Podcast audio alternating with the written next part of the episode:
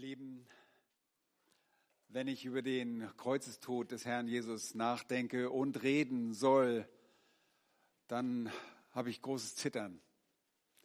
Das ist eines der schwierigsten Texte für mich, weil mir bewusst wird, du gehst durch dieses zentrale Heilsereignis der Geschichte.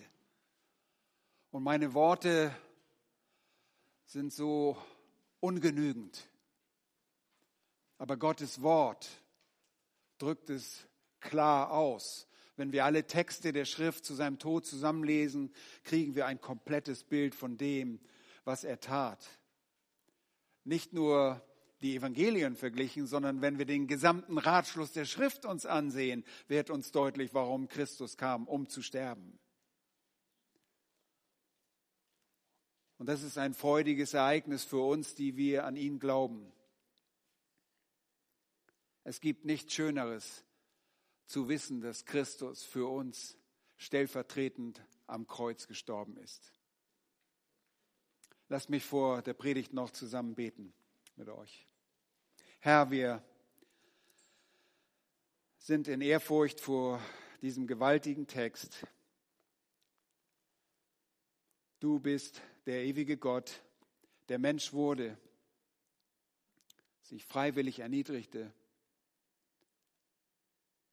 ein absolut heiliges, makelloses Leben führte und sich dennoch von seiner eigenen Schöpfung, von sündigen Menschen ans Kreuz hat nageln lassen.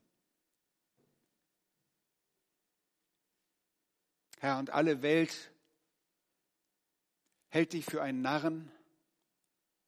Alle Welt glaubt, dass du ein Hirngespinst von irgendwelchen Christen bist aber du bist der lebendige Gott, der gekommen ist, um diejenigen zu erretten, die an ihn glauben sollten.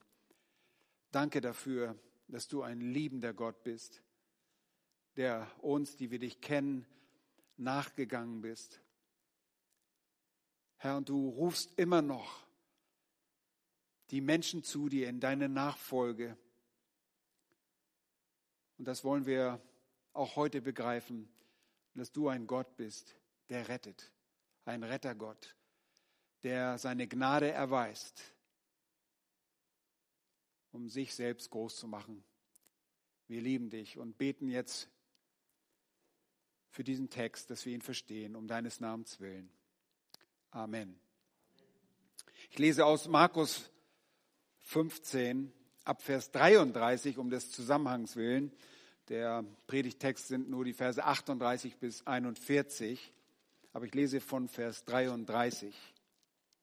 Als aber die sechste Stunde anbrach, kam eine Finsternis über das ganze Land bis zur neunten Stunde.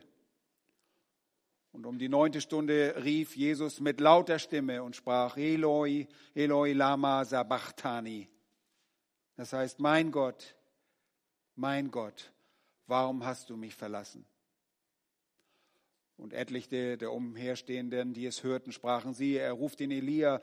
Einer aber lief und füllte den Schwamm mit Essig und steckte ihn auf ein Rohr, gab ihm zu trinken und sprach, halt, lasst uns sehen, ob Elia kommt, um ihn herabzunehmen. Jesus aber stieß einen lauten Schrei aus und verschied. Vers 38, und das ist der Predigtext, und der Vorhang im Tempel riss von oben bis unten in zwei, als aber der Hauptmann, der ihm gegenüberstand, sah, dass er so schrie und verschied, sprach er wahrhaftig, dieser Mensch war Gottes Sohn. Es sahen aber auch Frauen von ferne zu. Unter ihnen war auch Maria Magdalena und Maria, die Mutter des jüngeren Jakobus und des Joses, sowie Salome, die ihm auch, als er in Galiläa war, nachgefolgt waren und ihm gedient hatten, und viele andere, die mit ihm nach Jerusalem hinaufgezogen waren.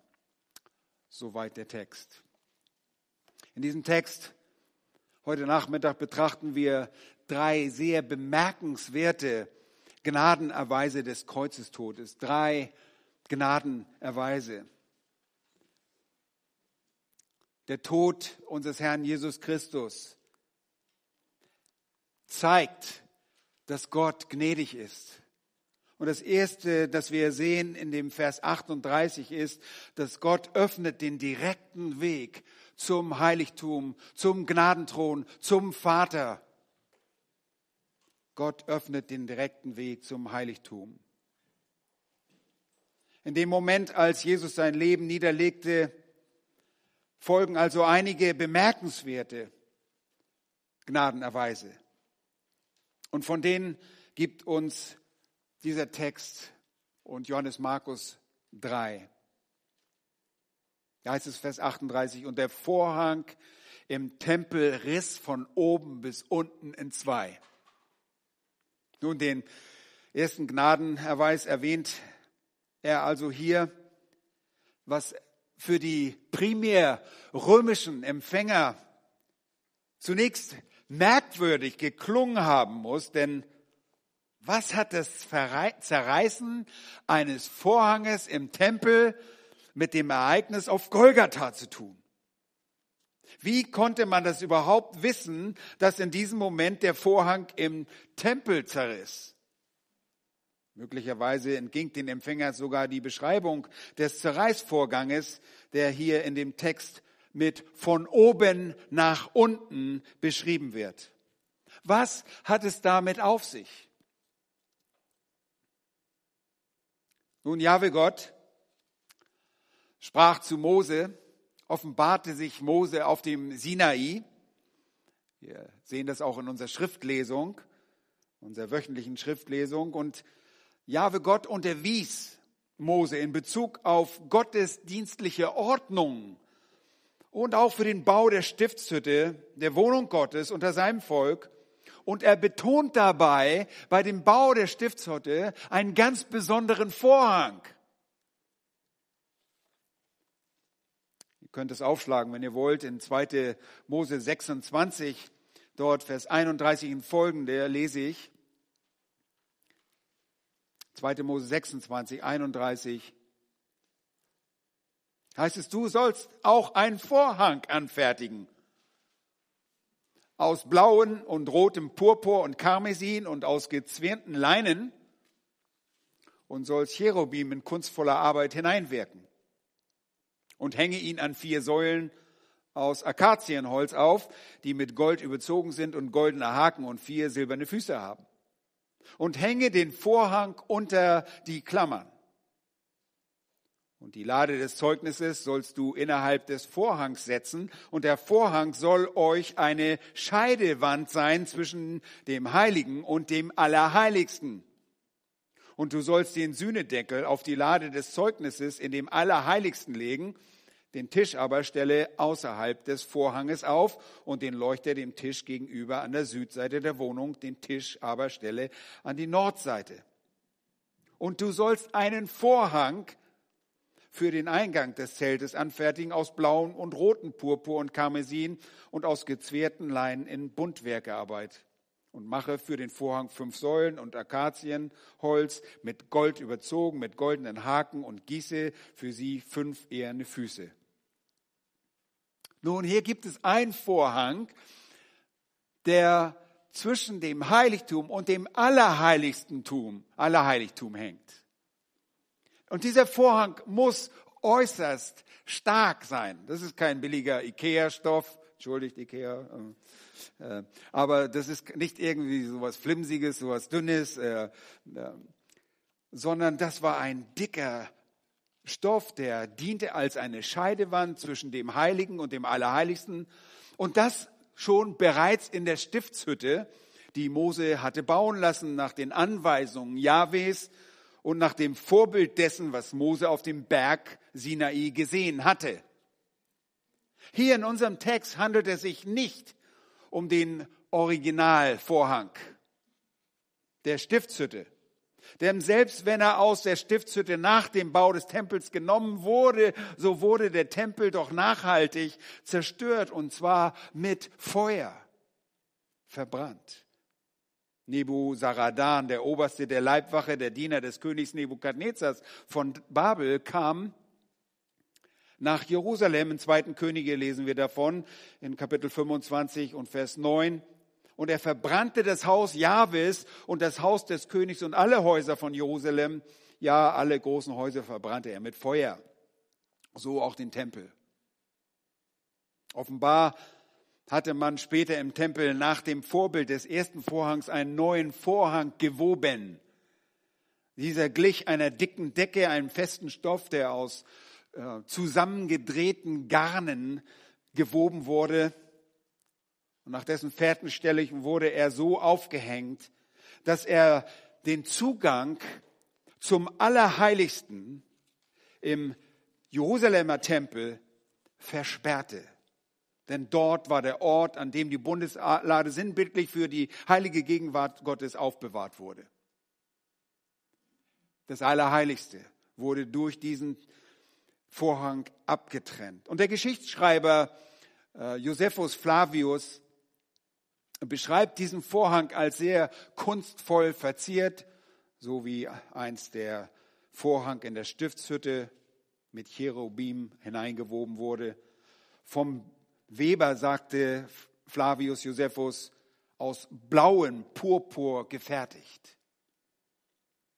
Nun, diese Scheidewand, sie war wichtig. Sie war Gott wichtig und sie sollte einen ganz wichtigen Platz einnehmen, denn niemand sollte hinter diesen zweiten Vorhang, diesen Vorhang zwischen Heiligtum und dem Allerheiligtum Heiligtum treten. Niemand sollte dahinter treten. Es ging lediglich einmal im Jahr in das Allerheiligste eine Person dort hinein und das war der hohe Priester. Und zwar geschah das an dem sogenannten Versöhnungstag, dem sogenannten Yom Kippur, indem er das Blut eines Opfers hineintrug, um die Versöhnung, um Versöhnung für das Volk zu bewirken und zu erbitten, Söhnung zu bewirken. Und dieser spezielle Vorhang wird hier zu einer entscheidenden symbolischen Bedeutung. Hört einmal, was der Schreiber des Hebräerbriefes, der nach Christus schreibt, in Kapitel 9 dazu sagt. In Vers 3 fange ich dort an. Hebräer Kapitel 9 und Vers 3. Da ist er hinter dem zweiten Vorhang, aber befand sich das Zelt, welches das Allerheiligste genannt wird. Zu diesem gehört der goldene Räucheraltar und die Bundeslade überall mit Gold überzogen. Und in dieser war der goldene Krug mit dem Manna und der Stab Aarons, der gesprost hatte, und die Tafeln des Bundes. Oben über ihr aber die Cherubim der Herrlichkeit, die den Sühnedeckel überschatteten, worüber jetzt nicht im Einzelnen geredet werden soll. Das wollen wir auch nicht tun, sagt der Schreiber des Hebräerbriefes, Vers 6, da nun dies so eingerichtet ist, betreten zwar die Priester alle Zeit das vordere Zelt, zur Verrichtung des Gottesdienstes in das zweite Zelt, also hinter diesem zweiten Vorhang, aber geht einmal im Jahr nur der hohe Priester. Und zwar nicht ohne Blut, dass er für sich selbst und für die Verirrung des Volkes darbringt. Damit zeigt der Heilige Geist deutlich, dass der Weg zum Heiligtum noch nicht offenbar gemacht ist, solange das vordere Zelt Bestand hat. Seht ihr, die Existenz des zweiten Vorhanges machte allen Israeliten deutlich, dass der Weg zum Heiligtum noch nicht geoffenbart war. Hebräer 9, Vers 8. Dort in Vers 8. Solange Opfer dargebracht wurden, war der Weg zum Heiligtum nicht frei. So, sofern der vordere Raum des Priesters des Heiligtums betreten wurde von den Priestern, sofern diese Trennung vorhanden war, gab es noch keinen Weg direkt ins Allerheiligste. Die Nähe zu Gott war nicht möglich, der im Allerheiligsten seine Präsenz für das Volk Israel manifestierte. Das Geschriebene ist der wichtigste Hinweis, die, der Heilige Geist in Bezug auf die Stiftshütte beziehungsweise den Tempel gab. er lehrt uns, wie unzugänglich Gott zu Zeiten des Alten Testaments war. Und zwar direkt unzugänglich. Der Vorhang erinnerte immer wieder daran, dass die Menschen aufgrund ihrer Sünde nicht in die Gegenwart Gottes treten konnten. Die Sünde trennte sie von Gott. Und dadurch wurde auch klar, dass selbst durch das jährlich dargebrachte Sühneopfer und zahllose andere Opfer, die täglich wiederholt wurden, im Hinblick auf Sünde, keine wahre und keine dauerhafte Sühnung erwirkt wurde. Das, was im Alten Testament durch die Opfer gewirkt wurde, war Vergebung, die keine dauerhafte Sühnung bewirken konnte. Und das ist genau das, was der Schreiber des Hebräerbriefes meint, wenn er dann in Kapitel 10, Vers 4 schreibt, denn es ist unmöglich, kann das Blut von Stieren und Böcken Sünden hinwegnehmen. Aber der Schreiber des Hebräerbriefes schreibt nochmals nach Christus und er wusste, wer die Lösung zur Hinwegnehmung der Sünde brachte und wer, wer, wer diese Lösung hatte. Das war Christus selbst. Schaut mal in Kapitel 9, dort die Verse 11 und 12. Hebräer 9, Verse 11 und 12. Christus aber ist gekommen als hoher Priester der zukünftigen Güter und ist durch das größere und vollkommenere Zelt Jetzt fügt er noch hinzu, dass nicht mit Händen gemacht, das heißt nicht von dieser Schöpfung ist und nicht mit Blut von Böcken und Kälbern, sondern mit seinem eigenen Blut ein für alle Mal in das Heiligtum hineingegangen und hat eine ewige Erlösung erfunden. Er spricht nicht von einem irdischen Heiligtum, er spricht von dem Himmel. Und in denen ist der erhöhte Herr zurückgekehrt. Der Herr hatte den Zugang geschaffen. In dem Augenblick des Todes Jesu, lesen wir hier in diesem Text, zerriss der Vorhang, dieser trennende Vorhang. Und damit offenbarte Gott auf eine anschauliche Art und Weise, dass Jesu Opfer auf ewig eine voll hinreichende Sühnung für die Sünden gewirkt hatte. Der Weg ins Allerheiligste stand damit allen offen. Nicht in ein irdisches Heiligtum, sondern in das himmlische Heiligtum. Die levitische Gottesdienstordnung, die levitische Priesterschaft wurde mit all ihren Zeremonien und mit allen Tieropfern, wurde im Moment seines Todes überflüssig. Die Anordnung des Gesetzes wurden nichtig, aufgelöst. Alle Erlösten sollten von dem Tage an ungehindert Zugang zum Thron der Gnade haben. Heute gilt nach wie vor, dass niemand, der im Glauben zu Gott kommt, einen vermittelnden Priester braucht. Wir müssen nicht durch einen menschlich fehlbaren Priester, wir haben einen Mittler, aber der ist Jesus Christus. Wir haben einen perfekten hohen Priester, der gleichzeitig auch das Opfer ist. Jesus Christus. Die Schatten der alttestamentlichen Verordnungen finden ihr Wesen in Christus. Rituale des alten Bundes sind hinfällig.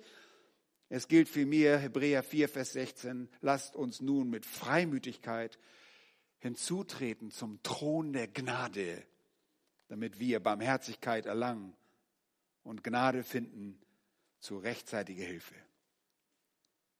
Indem der Vorhang von oben nach unten zerriss, macht Gott deutlich, dass er selbst durch die Bestrafung seines Sohnes am Kreuz diese Scheidewand beseitigt hatte. Ich meine, es war nicht ein Vorhang, den man mal eben so mit zwei Fingern zerreißt, sondern er riss sogar von oben nach unten. Und der Herr Jesus brachte diesen trennenden Vorhang durch sein vollbrachtes Werk zum Einreißen. Und dieser Vorhang ist nicht mehr da, denn Jesus hat durch sein heiliges, vollkommenes, ein für allemal gültiges Sühneopfer, das die Erlösten für immer von ihren Sünden reinigt, den Weg zu Gottes Gnadenthron freigemacht. Der Weg in Gottes heilige Gegenwart steht nunmehr jedem Gläubigen offen. Jeden, der im Glauben kommt, kann zu den, zu den Gnadenthron Gottes treten. Jeder Mensch kann im Glauben durch Jesus zu Gott kommen. In dem Augenblick, als der Vorhang zerriss, war der Tempel, könnt ihr euch das vorstellen, es war gerade das hohe Passafest voller Festbesucher. Pilger aus dem ganzen römischen Reich kamen, um dort zu feiern. Der ganze Tempel war voll mit Festbesuchern, die sich dort aufhielten, um ihre Passalämmer zu schlachten. Und gemäß Gottes Gedanken war der Todeszeitpunkt Jesu dann, als die Pilger und Jerusalemer Juden Tausende von Lämmern schlachteten, genau zu der Stunde, als er, das eigentliche Passalam, Jesus, starb. Er war das wahre Lamm, das alle anderen Passalämmer nur versinnbildlichten und alle anderen Opfer von diesem Zeitpunkt überflüssig machten. Ja, in ihm fand all die Symbolik des Tempelgottesdienstes ihre vollkommene Erfüllung. Von diesem Tag an verloren all die Tempelzeremonien ihre Bedeutung, weil das, was sie vorschatteten, mit Christus gekommen war und vollendet wurde. Nur 40 Jahre später macht Gott das durch das Lenken der Geschichte für jeden Juden, der noch weiterhin Opfer brachte, unmissverständlich klar. Wisst ihr, was er tat? Er lenkte die Römer und brachte Titus nach Jerusalem, um es zu plündern. Der Tempel selbst wurde völlig zerstört und damit auch die veraltete gottesdienstliche Ordnung war nicht mehr ausführbar. Sie war ohnehin überholt. Doch das wahre Ende der alttestamentlichen Opferordnung fiel nicht auf die Zerstörung in 70 nach Christus, sondern sie findet statt in dem Moment, als Jesus stirbt. Das Ende fand im Augenblick des Todes Jesu statt, als Gott in seiner Souveränität Christus auf ewig zum hinreichenden Opfer für Sünden erklärte. Nun, wer konnte das sehen? Das Volk konnte das Zerreißen des Tempels gar nicht sehen. Es konnten nur wenige Priester sehen. Denn erinnert euch, das Volk konnte nicht in das Heiligtum und sie konnten schon gar nicht in das Allerheiligste. Aber die Priester konnten es sehen. Und die Priester bezeugten und sie mussten den Zeitpunkt genau gesehen haben und notiert haben. Welche Verwirrung mag es ausgelöst haben? Wir wissen es nicht. Nun, Gott zeigt es an, indem er auf übernatürliche Weise den Tempelvorhang von oben nach unten zerriss und den Weg in seine Gegenwart bahnte und ermöglichte. Preis den Herrn für diese Gnade. Wir können zum Thron der Gnade kommen, ohne als Fremdlinge zunächst ein Proselyt und Jude zu werden, um dann mittels Priester zu Gott zu kommen. Selbst der Fremdling musste durch den jüdischen Glauben, durch die Zeremonien des jüdischen Gottesdienstes zu Gott kommen. Dieser Weg ist jetzt frei. Wir können zum Thron der Gnade kommen und mit Gott reden, ohne nach Jerusalem zu reisen, ohne einen fehlbaren menschlichen Mittel in Anspruch zu nehmen, müssen, nehmen zu müssen. Der Weg ist frei. Und weil er frei ist, rufen wir Menschen auf, komm zu Gott. Kehre um zu Gott. Der Weg zu ihm ist frei. Wenn du Buße tust, kannst du direkt vor Gott treten. Gott eröffnete also den direkten Weg zum Heiligtum. Und zweitens erwies er seine Gnade, indem er die Erkenntnis Christi schenkt. Zweitens, Vers 39. Gott schenkt die Erkenntnis Christi. Vers 39. Als aber der Hauptmann, der ihm gegenüber stand, sah, dass er so schrie und verschied, sprach er, wahrhaftig, dieser Mensch war Gottes Sohn. Nun, das vielleicht schnellste und sichtbarste Wunder, das im Augenblick des Todes Jesu geschah, war die Bekehrung des Hauptmannes, der offenbar mit der Kreuzigung und deren Überwachung beauftragt war. Er kommt zu der Erkenntnis des Christus.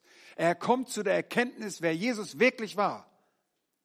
Oder wie Paulus es nennt, die alles übertreffende Erkenntnis Christi Jesu. Dazu gelangt dieser Mensch. Sehr schwach, aber er kennt, dass Jesus wahrhaftig der Sohn Gottes war. Als das Sühnewerk des Herrn noch im Gange war, ihr erinnert euch, wirkte Jesus, der Herr, bereits Errettung bei einem der Verbrecher. Das ist Wahnsinn, oder?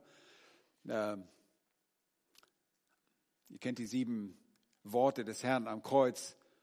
Und die ersten Worte, während es noch hell ist, tritt er ein, vergibt diesen einen Verbrecher und sagt, noch heute wirst du mit mir im Paradiese sein. Jetzt, als es abgeschlossen ist, als sein Werk abgeschlossen und vollbracht ist, erlebt er die große, wird diese große Rettungsmacht unseres Herrn deutlich im Leben der Menschen, die sich zu dem Zeitpunkt direkt neben ihm befanden. Und warum sage ich jetzt Menschen? Weil es nicht nur der Hauptmann war, sondern Matthäus eröffnet uns einen Einblick. In Matthäus 27, Vers 54 heißt es, als aber der Hauptmann und die, welche mit ihm Jesus bewachten, das Erdbeben sahen, wisst ihr, es geschah nämlich auch ein Erdbeben zu dieser Stunde, und es standen sogar Tote auf aus ihren Gräbern. Gräber öffneten sich, die dann nach der Auferstehung sich sogar zeigten in Jerusalem. Und als sie sahen, was da geschah, fürchteten sie sich sehr und sprachen, wahrhaftig, dieser war Gottes Sohn. Markus, Johannes Markus, fokussiert allein auf diesen Hauptmann ohne auf die anderen Begleitumstände des Todes einzugehen. Das wäre sicherlich auch mal interessant, das alles zu beleuchten. Aber wir wollen an diesen Text schauen. Er, er konzentriert sich jetzt auf diesen Hauptmann, auf diesen Centurio. Er sagt, als aber der Hauptmann, der ihm äh, gegenüberstand, sah, dass er so schrie. Also nur diese eine Person hat er vor Augen. Nun, gewöhnlich war ein römischer Hauptmann über eine Abteilung von 100 Mann eingesetzt. Und er wurde deshalb auch Centurio genannt. Eine Zenturie war die kleinste Einheit einer römischen Legion. Sie, äh, die römische, das römische Reich, die Römer besaßen 25 Legionen zu der Zeit. Jede Legion umfasste, umfasste etwa 6000 Mann. Eine Legion wurde in zehn Kohorten zu je 600 Mann eingeteilt. Und die Hauptmänner waren gewöhnlich äh, Berufsoffiziere. Sie waren wirklich raue Männer, harte Männer, die kein Pardon kannten und sehr wenig Mitleid besaßen für irgendwelche anderen Leute. Und weil sich der Hauptmann nun bei denen befand, die Jesus bewachten, und ich glaube, er war der, der mit der Überwachung und Ausführung der Kreuzigung des Herrn beauftragt worden war. Er wurde mit seinen Männern ein Augenzeuge all dessen, was geschehen war. Vermutlich, seit man Jesus in das Prätorium bei Pilatus gebracht hatte, und von diesem Zeitpunkt an hatten sie Jesus wahrscheinlich lückenlos bewacht. Vielleicht war seine ganze Truppe sogar schon bei Jesu Verhaftung im Garten Gethsemane dabei. Ihr erinnert euch, da marschierte eine ganze Kohorte auf, also bis 600 Mann. Und sie hatten gesehen, wie Jesus bei all dem sich verhielt. Er schwieg, ähm, als ihm Anschuldigungen der Juden entgegengebracht wurden. Und diese Soldaten hatten ihn dann zwecks Geiselung an einen Pfosten gebunden, wobei sie beobachteten, wie er selbst diese furchtbare Geiselung still und auch willig ertrug. Sie selbst hatten ihn verhöhnt durch eine von ihnen äh, inszenierte Parodie. Äh, sie hatten ihm einen alten Soldatenmantel umgehangen. Ihr erinnert euch, einen purpurnen Mantel und spielten darauf an eine, äh, an, auf einen König an, eine Intronisation. Sie hatten ihm ein Rohr aufs Haupt geschlagen. Sie hatten das Rohr in verhöhnender Absicht als äh, königliches Zepter in seine Hand gegeben und anschließend schlugen sie ihn damit auf den Kopf. Sie hatten ihm eine äh, Krone aus Dornen geflochten und aufgesetzt. Sie spuckten ihn an, sie lästerten, sie verhöhnten ihn mit jeder nur ihnen erdenklichen und bekannten Methode. Während das geschah, beobachteten sie allerdings, wie Jesus all diese Dinge hinnahm. Es kam kein Fluch, es kam keine Bedrohung aus Jesu Munde. Und das war ungewöhnlich für die Peiniger, denn andere Verbrecher haben sich da mit Sicherheit ganz anders verhalten. Und sie hätten wohl auch mitgehört, dass Pilatus wiederholt was betonte? Ich finde keine Schuld an ihm. Ich finde keine Schuld an ihm. Ich finde keine Schuld an ihm. Sie wussten sehr wohl, dass Jesus sich keines der Vergehen hatte zu Schulden kommen lassen. Und sie mussten sehr erstaunt darüber gewesen sein, wie sehr er sich anderen Verbrechern, die gekreuzigt wurden, wie er sich von ihnen unterschied und sich diesen Verbrechern sogar zuwandte, ihnen Gnade erwies, freundlich mit ihm redete. Vermutlich hatten sie, wie Pilatus zunächst in ihm einen Verrückten gesehen. Aber nach einer gewissen Zeit muss es ihnen wirklich in den Sinn gekommen oder ihnen gedämmert haben, dass er nicht irgendein Irrer war, sondern jemand etwas Außergewöhnliches. Irgendwie konnten sie ihn nicht einordnen, denn nach Hunderten von Kreuzigungen, die sie begleitet hatten, war er einfach nur sehr, sehr ungewöhnlich. Und dieses ungewöhnliche Verhalten hatte auf sie aber bisher weiter keinen Einfluss genommen. Mit grober Wucht und ohne jeglichen Mitgefühl hatten sie Jesus ans Kreuz gebracht. Sie zeigten ihm keinerlei Erbarmen. Sie waren einfach Angestellten des römischen Reiches. Sie hatten eine Aufgabe durchzuführen und die führten sie durch, so gut sie konnten, ohne jegliches Mitgefühl für die Gekreuzigten zu entwickeln und auch nicht für Jesus. Alles, was wir sehen, ist Spott. Und wir haben in den vergangenen Predigten uns angesehen, was sie taten. Sie warfen äh, dann noch das Los über seine Kleider, seine Gewänder und sie hatten dann die Pflicht, sich der Pflicht hingegeben, die Sterbenden am Kreuz einfach zu bewachen. Das war ihr Dienst. Da mussten sie sein. Aber Christi Tod und Kreuzigung war anders. So etwas hatten sie bisher nicht miterlebt, denn sie überhörten vermutlich, wie er für seine Mörder Fürbitte einlegte. Und sie sahen, auf welch ehrwürdige Weise er sein Leiden hinnahm, wie er ohne jeglichen Widerstand mit zum Kreuz zog,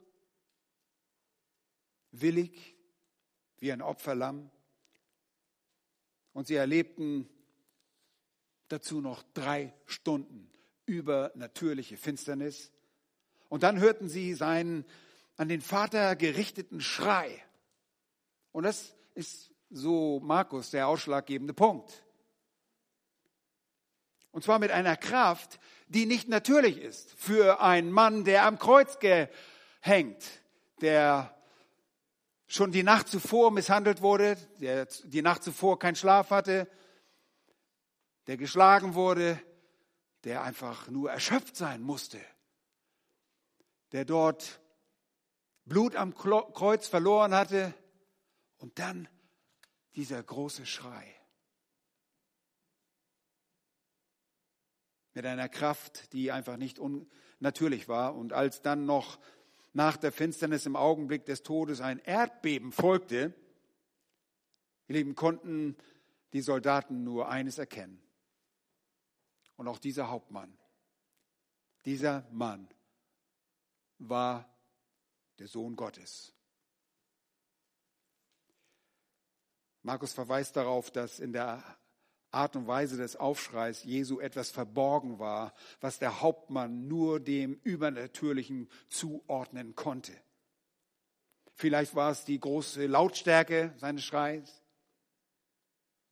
die man von einem derart geschwächten niemals hätte erwarten können. Markus schreibt, als aber der Hauptmann, der ihm gegenüberstand, sah, dass er so schrie und verschied, sprach er wahrhaftig, dieser Mensch war Gottes Sohn. Und Matthäus ergänzt, ich sagte schon, dass auch das Erdbeben genau zur Zeit des letzten Aufschreis Jesu stattfand. Vielleicht war es dieses Ereignis, was der Hauptmann und seine Soldaten schließlich auch den, von der Gottessohnschaft überzeugte. Wir wissen es nicht, was genau es ist. Eins wissen wir, dass niemand den Herrn erkennt, wenn Gott ihn nicht begnadigt. Da heißt es, als sie das Erdbeben sahen, das, was geschah, fürchteten sie sich sehr. Matthäus 27, 54. Matthäus gibt damit zu erkennen, dass die beistehenden Soldaten dieselbe Reaktion zeigten. Als das Erdbeben stattfand, fürchteten sie sich sehr. Mein Erdbeben an sich ist schon keine so tolle Sache zu erleben. Aber für diese Beschreibung nutzt Matthäus eine, eine griechische Wortverbindung, die von äußerst großer Angst spricht. Einer sehr großen Angst. Und diese Ausdrucksweise entspricht den Worten des Matthäus, wenn er die Reaktion der drei Jünger auf dem Berg der Verklärung zu beschreiben sucht. Dort in Matthäus 17, Vers 6. Diese Art von Furcht erlebten Menschen, die plötzlich erkannten, wer Jesus wirklich war können wir auch nachlesen in Markus Evangelium 4. Da sehen wir auch diese Furcht in Markus 4, 41 und Markus 5, 33. Nun, als die um das Kreuz gescharten Soldaten Jesus letzten Ausruf, seinen Schrei hörten, ihn sterben sahen und spürten, wie die Erde in diesen Momenten bebte, da zu diesem Punkt, Zeitpunkt wurde ihnen plötzlich deutlich, wer er war dass Jesus, den sie gekreuzigten hatten, der Sohn Gottes war. Und sie wurden in Schrecken versetzt. Und das nicht nur wegen des, er wegen des Erdbebens. Nein, sie wurden mit überaus großer Angst erfüllt, weil sie dann realisierten, dass Jesus unschuldig war. Und auch der war, der er behauptete zu sein. Sie hatten den Sohn Gottes getötet. Und vielleicht dachte der Centurio sogar an die Anklage des Hohen Rates, dort in Johannes 19, Vers 7, wo sie sagten, wir haben ein Gesetz und nach unserem Gesetz muss er sterben, weil er sich selbst zu Gottes Sohn gemacht hat. Das war die Anschuldigung. Sie sagten, Jesus, das ist ein Hochstapler. Er macht sich zu Gott. Das ist Gottes Lästerung. Jetzt hatte er erkannt, wer Jesus wirklich war. Und wisst ihr, was er tut? Er beteuert sein Urteil sogar ausdrücklich. Was sagt er? Wahrlich, wahrhaftig, sagt er. Wahrhaftig. Dieser war Gottes Sohn. Und dieses wahrhaftig ist eine Beteuerung. Es entspricht der Wahrheit. Der Gekreuzigte war tatsächlich Gottes Sohn.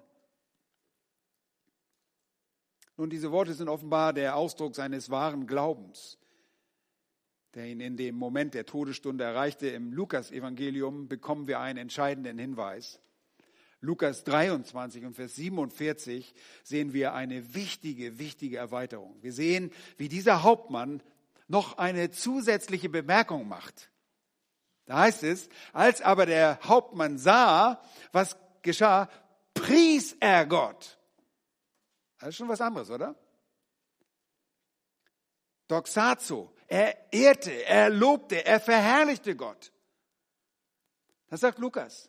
Also er sagte beides. Jesus hörte, äh, Jesus hörte nicht, der war tot, aber äh, man hörte den Hauptmann beides sagen. Und er sprach noch was. Er sagt wahrlich und beteuert das auch wieder. Dieser Mensch war gerecht. Die Chaos. Ein Gerechter. Das ist Jesus, tatsächlich. Wie zutreffend. Er ehrt ihn, er lobt ihn, er pries Gott und er sagt, dieser Mensch war gerecht. Und er kommt zu dem Ergebnis, was wir alle als Kinder Gottes haben, dass er der Gerechte ist, der für die Ungerechten starb. Und ihr Lieben, wir sehen hier das Retterwesen Gottes sofort nach seinem Tod geoffenbart. Das Kreuz auf Golgatha ist ein Heilsgeschehen, ja, das global eine Auswirkung hat, aber auch dort im Kleinen sofort Wirkung hatte, schon am Kreuz, als Jesus lebte und sofort danach. Jemand kann nur Gott erkennen und Jesus bekennen, wenn Gott Gnade schenkt. Und diese Gnade erwies Gott diesem Hauptmann. Der Hauptmann und auch die ihm unterstellten Soldaten wurden offenbar als erstes gerettet. Sie bekehrten sich in den Augenblicken, als Jesus den Geist, seinen Geist in die Hände seines Vaters, in, in, in die Hände seines Vaters befahl. Lieben Gott schenkt diese Gnade. Er schenkt den freien Zugang zum Gnadenthron für jeden, der kommt im Glauben. Und Jesus sagt, jeder, der zu mir kommt, den werde ich nicht hinausstoßen. Du kannst zu Jesus kommen. Du musst nicht zu einem katholischen Priester rennen. Du musst nicht mal zu einem evangelischen Pfarrer rennen und auch nicht zu einem freikirchlichen Pastor. Du kannst direkt zu Gott kommen. Ja, wir helfen und erklären dir gern, was es bedeutet, aber du kannst direkt mit Gott reden. Wenn du deine Sünde bekennst, vergibt Gott dir deine Sünde. Du musst nicht opfern, weil das Opfer am Kreuz Jesus Christus selbst war. Und er wird sich für dich am, im Heiligtum des Himmels verwenden. Gott schenkt aber nicht nur die Erkenntnis Christi am Kreuz, sondern er tut noch etwas in diesem Text. Gott bewirkt dauerhafte Treue. Drittens, Gott bewirkt dauerhafte Treue. Schaut mal auf die Verse 40 und 41. Es sahen aber auch Frauen von ferne zu.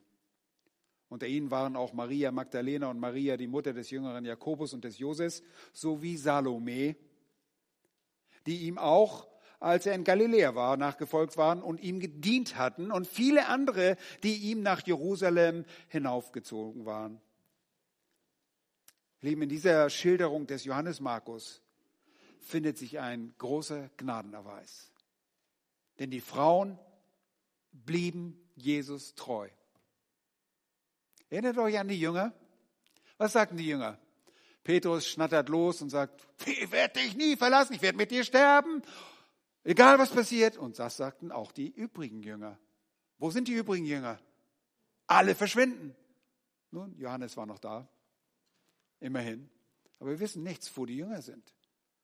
Aber Frauen bleiben selbst im Tod bei Jesus. Und sie werden eine gewichtige Rolle spielen bei der Auferstehung. Die Frauen waren nicht nur in der Entfernung, hier heißt es, sie schauten von ferne zu, sondern sie waren anfänglich auch bei dem Kreuz, ganz nah bei Jesus. Hört mal genau hin, was Johannes sagt, der selbst übrigens als einziger Jünger und Mann, gläubiger Mann bei der Kreuzigung dabei gewesen zu sein scheint, schreibt in Johannes 19, Verse 25 und 26, da heißt es, er standen aber bei dem Kreuz Jesu, seine Mutter erstens, das ist die erste Frau, die Mutter Jesu, und die Schwester seiner Mutter, das ist die zweite Frau, das ist Salome, Maria, drittens die Frau des Klopas und viertens Maria Magdalena. Als nun Jesus seine Mutter sah und den Jünger dabei stehen, den er lieb hatte, spricht er zu seiner Mutter, Frau, siehe dein Sohn. Und ihr erinnert euch, die Brüder, die Halbbrüder unseres Herrn Jesus Christus waren zu diesem Zeitpunkt nicht gläubig. Und so vertraut Jesus seine Mutter dem Johannes an. Aber wir sehen die Frauen. Sie sind beim Geschehen am Fuße des Kreuzes und entfernen sich, weil dieser Tod ein brutaler Tod ist, eine Grausamkeit, eine Gewalttätigkeit und Brutalität des Leidens muss die Frauen in die Distanz des Kreuzes gebracht haben. Aber wer waren sie? Was waren das für Frauen? Nun, wir sind nicht ganz unkundig. Aus den Evangelien kennen wir eine Frau ganz besonders, Maria Magdalena. Eine Frau aus der Ortschaft von Magdala, einem Ort am Westufer des See Genezareth. Nur ganz kurz zu ihr. Lukas äh, 8 schreibt der Arzt Lukas in den ersten drei Versen folgendes. Und es geschah danach, dass er, das ist Jesus, von Stadt zu Stadt und von Dorf zu Dorf zog wobei er das Evangelium vom Reich Gottes verkündigte, das noch sehr früh in seinem Dienst. Später konnte er, ihr erinnert euch, nicht mehr in die Ortschaften gehen, weil er so bedrängt wurde. Und dann heißt es weiter, und die zwölf waren mit ihm und etliche Frauen, die von bösen Geistern und Krankheiten geheilt worden waren. Maria, genannt Magdalena, von der sieben Dämonen ausgefahren waren. Und Johanna, die Frau Kusas, eines Verwalters des Herodes und Susanna und viele andere, die ihm dienten, mit ihrer Habe. Seht ihr, hier taucht Maria Magdalena auf, von der Jesus sieben Dämonen hat ausfahren lassen.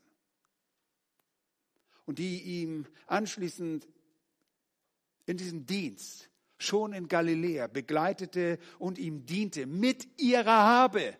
Das taten sie. Sie verwendeten das, um dem Herrn zu helfen, da wo er hinkam. Ihr wisst, er hatte keine permanente Bleibe, damit er versorgt wurde, damit er essen konnte. Und dann heißt es dort in Vers 41, hier in unserem Text, genau das, die ihm auch, als er in Galiläa war, nachgefolgt waren und ihm gedient hatten. Genau das sind diese Frauen. Sie hatten ihm gedient und sie sind jetzt noch da. Sie sind nicht weggelaufen. Sie hätten keine großen Versprechen abgegeben. Sie haben nicht gesagt, oh Jesus, wir werden mit dir sterben, wir werden immer da sein. Aber sie sind da. Während die Jünger sich verdünnisiert haben und Angst haben, sind die Frauen präsent. Es und viele andere, die mit ihm nach Jerusalem hinaufgezogen waren. Sie dienten ihm und sie blieben treu. Ein Gnadenerweis Gottes ist, wenn der Mensch treu ist. Wisst ihr, dass wir Treue uns niemals uns selbst zuschreiben können? Wenn du nur einen Tag von dir selbst abhängig wärst, von deiner eigenen Kraft, dann wärst du schon während des ersten Satzes untreu. Gott gewährt dir diese Treue. Er hält dich bei sich selbst. Er lässt Gnade über Gnade walten. Wir leben nicht nur einmalig aus Gnade, aus dieser unverdienten Gunst, sondern Gott greift ständig ein. Er ist ständig in unserem Leben involviert. Das tut er mit seinen Kindern. Der lässt uns nicht los. Er lässt, oh, jetzt habe ich ihn. Jetzt kann man mal sehen, was aus ihm wird. Wir würden sofort untergehen. Wir leben ständig aus dieser Gnade. Und diese Gnade erweist er diesen Frauen. Sie sind immer noch da. Sie laufen nicht weg. Und wenn sie auch aus Galiläa kommen, sie sind noch immer da. Auch im Tod bleiben die Frau treu. Und sie sollen wirklich eine gewichtige Rolle in der Auferstehung spielen. Zweitens sehen wir Maria, die Mutter des jüngeren Jakobus und des Joses. Ihr erinnert euch sicherlich, es gab nicht nur einen äh, Jakobus als Jünger, sondern zwei. Es gab einen weniger bedeutsamen, den jüngeren oder auch manchmal wird er der kleinere genannt, im Vergleich zu dem mehr prominenteren Jakobus, den einen Sohn des Zebedeus, dem Bruder des Johannes.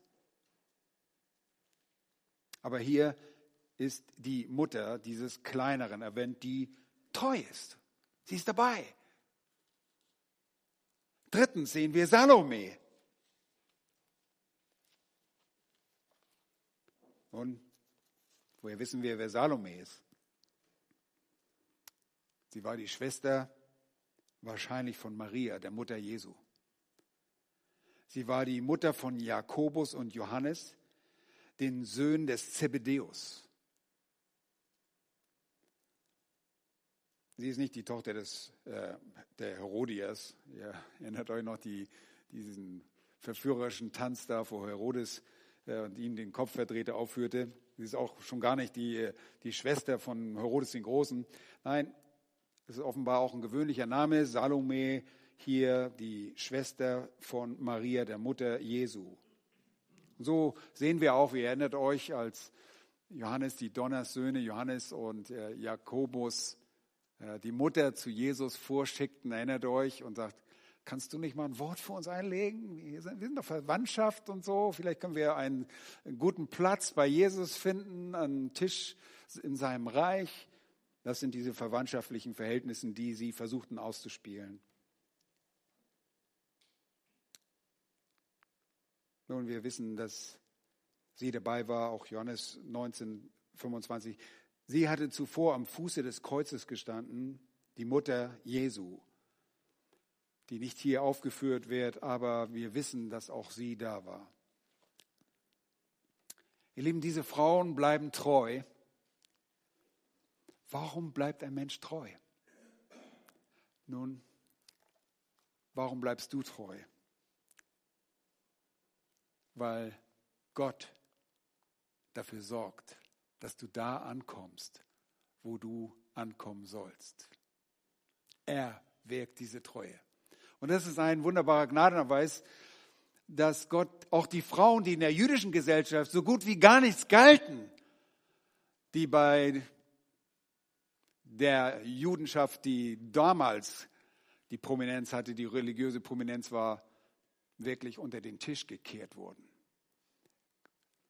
Jesus lässt diese Frauen, Gott lässt diese Frauen dort sein. Sie bezeugen auch sein Begräbnis, wir werden es sehen, und sie werden die Ersten sein, die bei der Auferstehung Jesus sehen. Preis den Herrn für diese Treue. Nun, drei bemerkenswerte Gnadenerweise des Kreuzestodes. Gott eröffnet den direkten Weg zum Heiligtum. Gott schenkt die Erkenntnis Christi. Und zwar gleich nach seinem Tod. Und Gott bewirkt dauerhafte Treue. Aber was haben wir davon? Nun, auch wir haben freien Zugang zum Thron der Gnade, volle Vergebung durch das Sühneopfer des Herrn Jesus, der uns Erkenntnis der Wahrheit schenkt, Erkenntnis seiner Person. Wisst ihr, er wird uns bewahren. Er wird schenken, dass wir treu sind. Christen sind Überwinder. Wir werden in schwierigen Situationen treu bleiben. Oh ja, wir fallen alle. Wir sind nicht sündlos.